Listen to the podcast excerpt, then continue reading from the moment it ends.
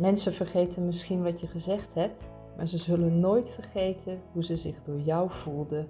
Die quote van Carl Buhner is de trigger voor vandaag. Vanochtend kreeg ik allemaal lieve boodschappen van mensen die mijn verjaardag gisteren zijn vergeten en die mij toch nog de goede wensen wilden doen.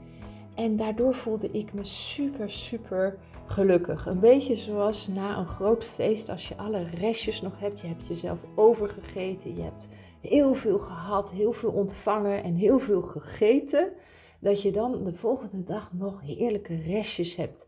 Heerlijke nablijfselen van het feest. En dus nog een beetje feest kan ervaren de volgende dag en misschien zelfs de dag daarna. En wat mij opviel is dat alle mensen die mij vandaag een berichtje stuurden, eigenlijk een schuld bekenden. Of gingen uitleggen waarom ze het waren vergeten. En ja, dat vond ik zo interessant, want ik dacht, oh, maar je geeft me een cadeau, maar tegelijkertijd zit je in de schulden.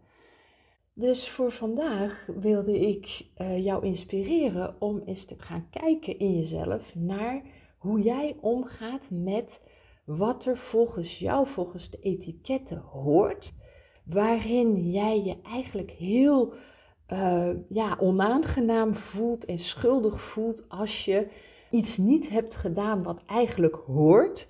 Hoe jij ermee omgaat, ga je jezelf dan verdedigen omdat je het niet hebt uh, gedaan?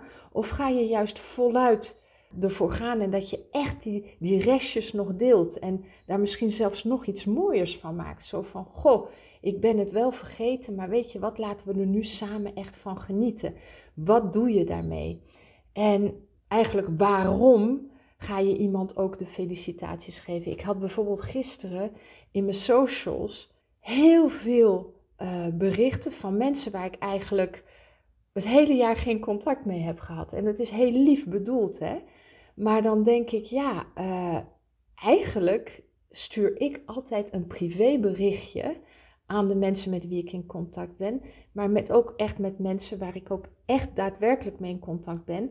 Of waarvan ik denk van nou, dankjewel voor alles wat je hebt gedeeld. We hebben niet echt contact, maar je, je inspireert me. Of ik heb heel veel van je mogen ontvangen. En uh, je bent een inspiratiebron voor me. Of oh, weet je, toen ik dan dat en dat van je heb gelezen. Nou, dat, dat vond ik echt super. En dus ik ga echt de connectie aan. En ik krijg ook gewoon allemaal uh, felicitaties van collega's ondernemer bijvoorbeeld, of van mensen die iets van mij willen, die het eigenlijk doen, want je hoort dat te doen. Het is een trucje geworden of zo. En dat is allemaal niet erg, ik ontvang het allemaal uh, heel graag. Alleen waar ik echt van geniet, is van het rijke uh, maal aan felicitaties dat ik gisteren heb mogen ontvangen en de restjes vandaag. Echt de, de, de, de lekkere restjes die ook echt waarde toevoegen aan mijn dag vandaag. En waarschijnlijk zal ik er morgen ook nog een paar ontvangen. Dus ik ben benieuwd naar jou. Echt hoe jij uh, jezelf plaatst met wat er van je verwacht wordt in de maatschappij. Je hoort iemand te feliciteren. Wat mij hier in Nederland heel erg opvalt, ik ben, uh, heb dat nog niet gezegd in deze podcast, maar ik ben Franstalig opgevoed in uh, het buitenland, in Zwitserland, in het Franstalige deel, vanaf mijn vijfde. En ik ben in 2019 pas teruggekeerd hier in Nederland, na meer dan 40 jaar, ja, 45 jaar in Zwitserland. En het eerste wat me opviel, omdat dat ja, daar heel anders is, uh, culturen verschillen natuurlijk heel erg, dat gaat, is echt hoe je omgaat met verjaardagen. En toen ik hier was, kreeg ik felicitaties voor de verjaardag van uh, mijn buurvrouw bijvoorbeeld, of van uh, ja, mensen die echt niet in mijn inner circle, niet heel close zijn met mij. Dus iedereen feliciteert uh, elkaar. Dat is echt de traditie. Dat heb ik nu ook geleerd om te doen. Het is ook een beetje een gewoonte. Uh, sommige mensen zie ik niet en dan opeens, ja, ik feliciteer je met je buurvrouw die dan op die dag jarig is. En ja, dat is toch een, een interessant iets als je in het buitenland bent opgegroeid, waar het toch een beetje gesloten is. Uh, de Zwitsers uh, zijn heel diepgaand in hun relatie.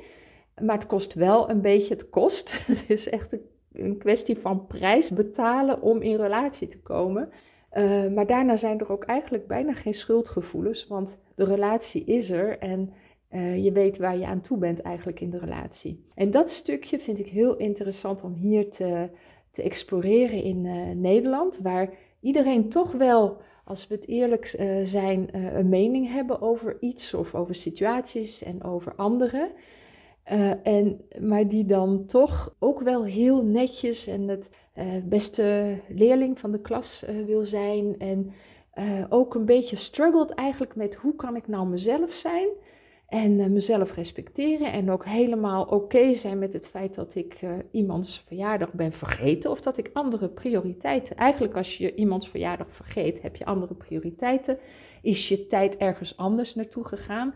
En de tijd is onze meest kostbare valuta, waardoor uh, het eigenlijk, als je zegt, ja sorry, ik ben je vergeten, zeg je eigenlijk als het ware, ja, mijn valuta, ik heb ergens anders in geïnvesteerd. En dat is helemaal prima. Alleen doordat een heleboel mensen toch verwachten dat je blijft geven, niet iedereen zal tegen jou zeggen van, nou geef niet hoor dat je mijn verjaardag bent uh, vergeten.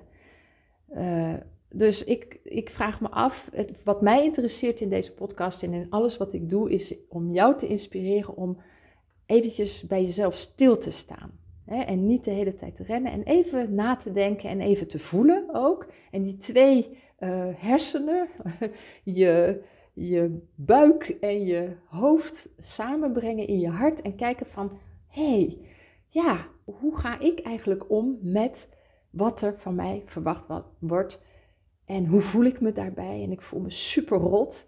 Nou, als je je super rot voelt, ja, hoe komt dat? Wat, wat, waar komt dat vandaan? En ga dat dan eens een beetje opschrijven. Of heb jij ook zoiets van, ja, nou moet ik toch die verjaardag wensen en dan is het uh, vijf voor twaalf en dan doe je het nog even snel, want ja, weet je wel, om vijf voor twaalf, anders morgen is ze niet meer jarig. En ja, super interessant natuurlijk. Ik zeg ook altijd het voorbeeld van uh, de yoghurt. Sommige mensen hebben zoiets van, als er een datum staat op het yoghurtpotje, Stel, er staat 3 februari op. Hè, dat was gisteren dus mijn verjaardag. En mijn verjaardag is dat yoghurtpotje. Ja, weet je, om middernacht is het niet opeens dat dat yoghurtpotje gaat rotten en dat je het dan meteen moet weggooien of zo. Hè, het is nog steeds eetbaar en natuurlijk niet jarenlang, maar het is niet dat het uh, de dag zelf niet meer waardevol en lekker is. Dus daarmee, uh, ja, als je dat kan voelen en jij je eigen waarde voelt in wat je echt oprecht met je hoofd en hart en ook het accepteren dat je eigen tijd je kostbaarste valuta is en dat je daarmee doet wat je eigenlijk zelf wilt. En ja, misschien doe je niet wat je wil. Misschien zijn er heel veel dingen opgelegd en weet je niet hoe dat moet. Ja, en dan ben ik hier om jou te inspireren.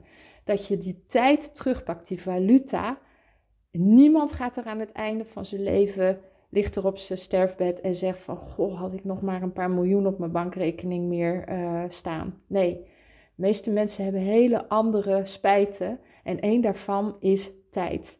Dus um, ja, vandaag schrijf in je dagboekje, als je het leuk vindt om met mee te gaan, mee, blablabla, om met mij mee te gaan in deze podcast, schrijf in je boekje hoe jij uh, ermee omgaat. En doe het echt voor jezelf. Hè. Eh, eh, het is niet een oordeelding. Het is niet, oeh, ik ben een slecht mens of ik ben een goed mens. Daar gaat het niet om. Het gaat erom dat je je tijd beetje bij beetje de, de valuta geeft die die heeft, de waarde geeft die die heeft. En dat je daar zo uh, inspirerend mogelijk mee omgaat. Dat wil zeggen dat je daar het meeste creatief in bent, zodat je het leven leeft dat je altijd had willen leven en uh, doen wat je altijd had willen doen. Adema.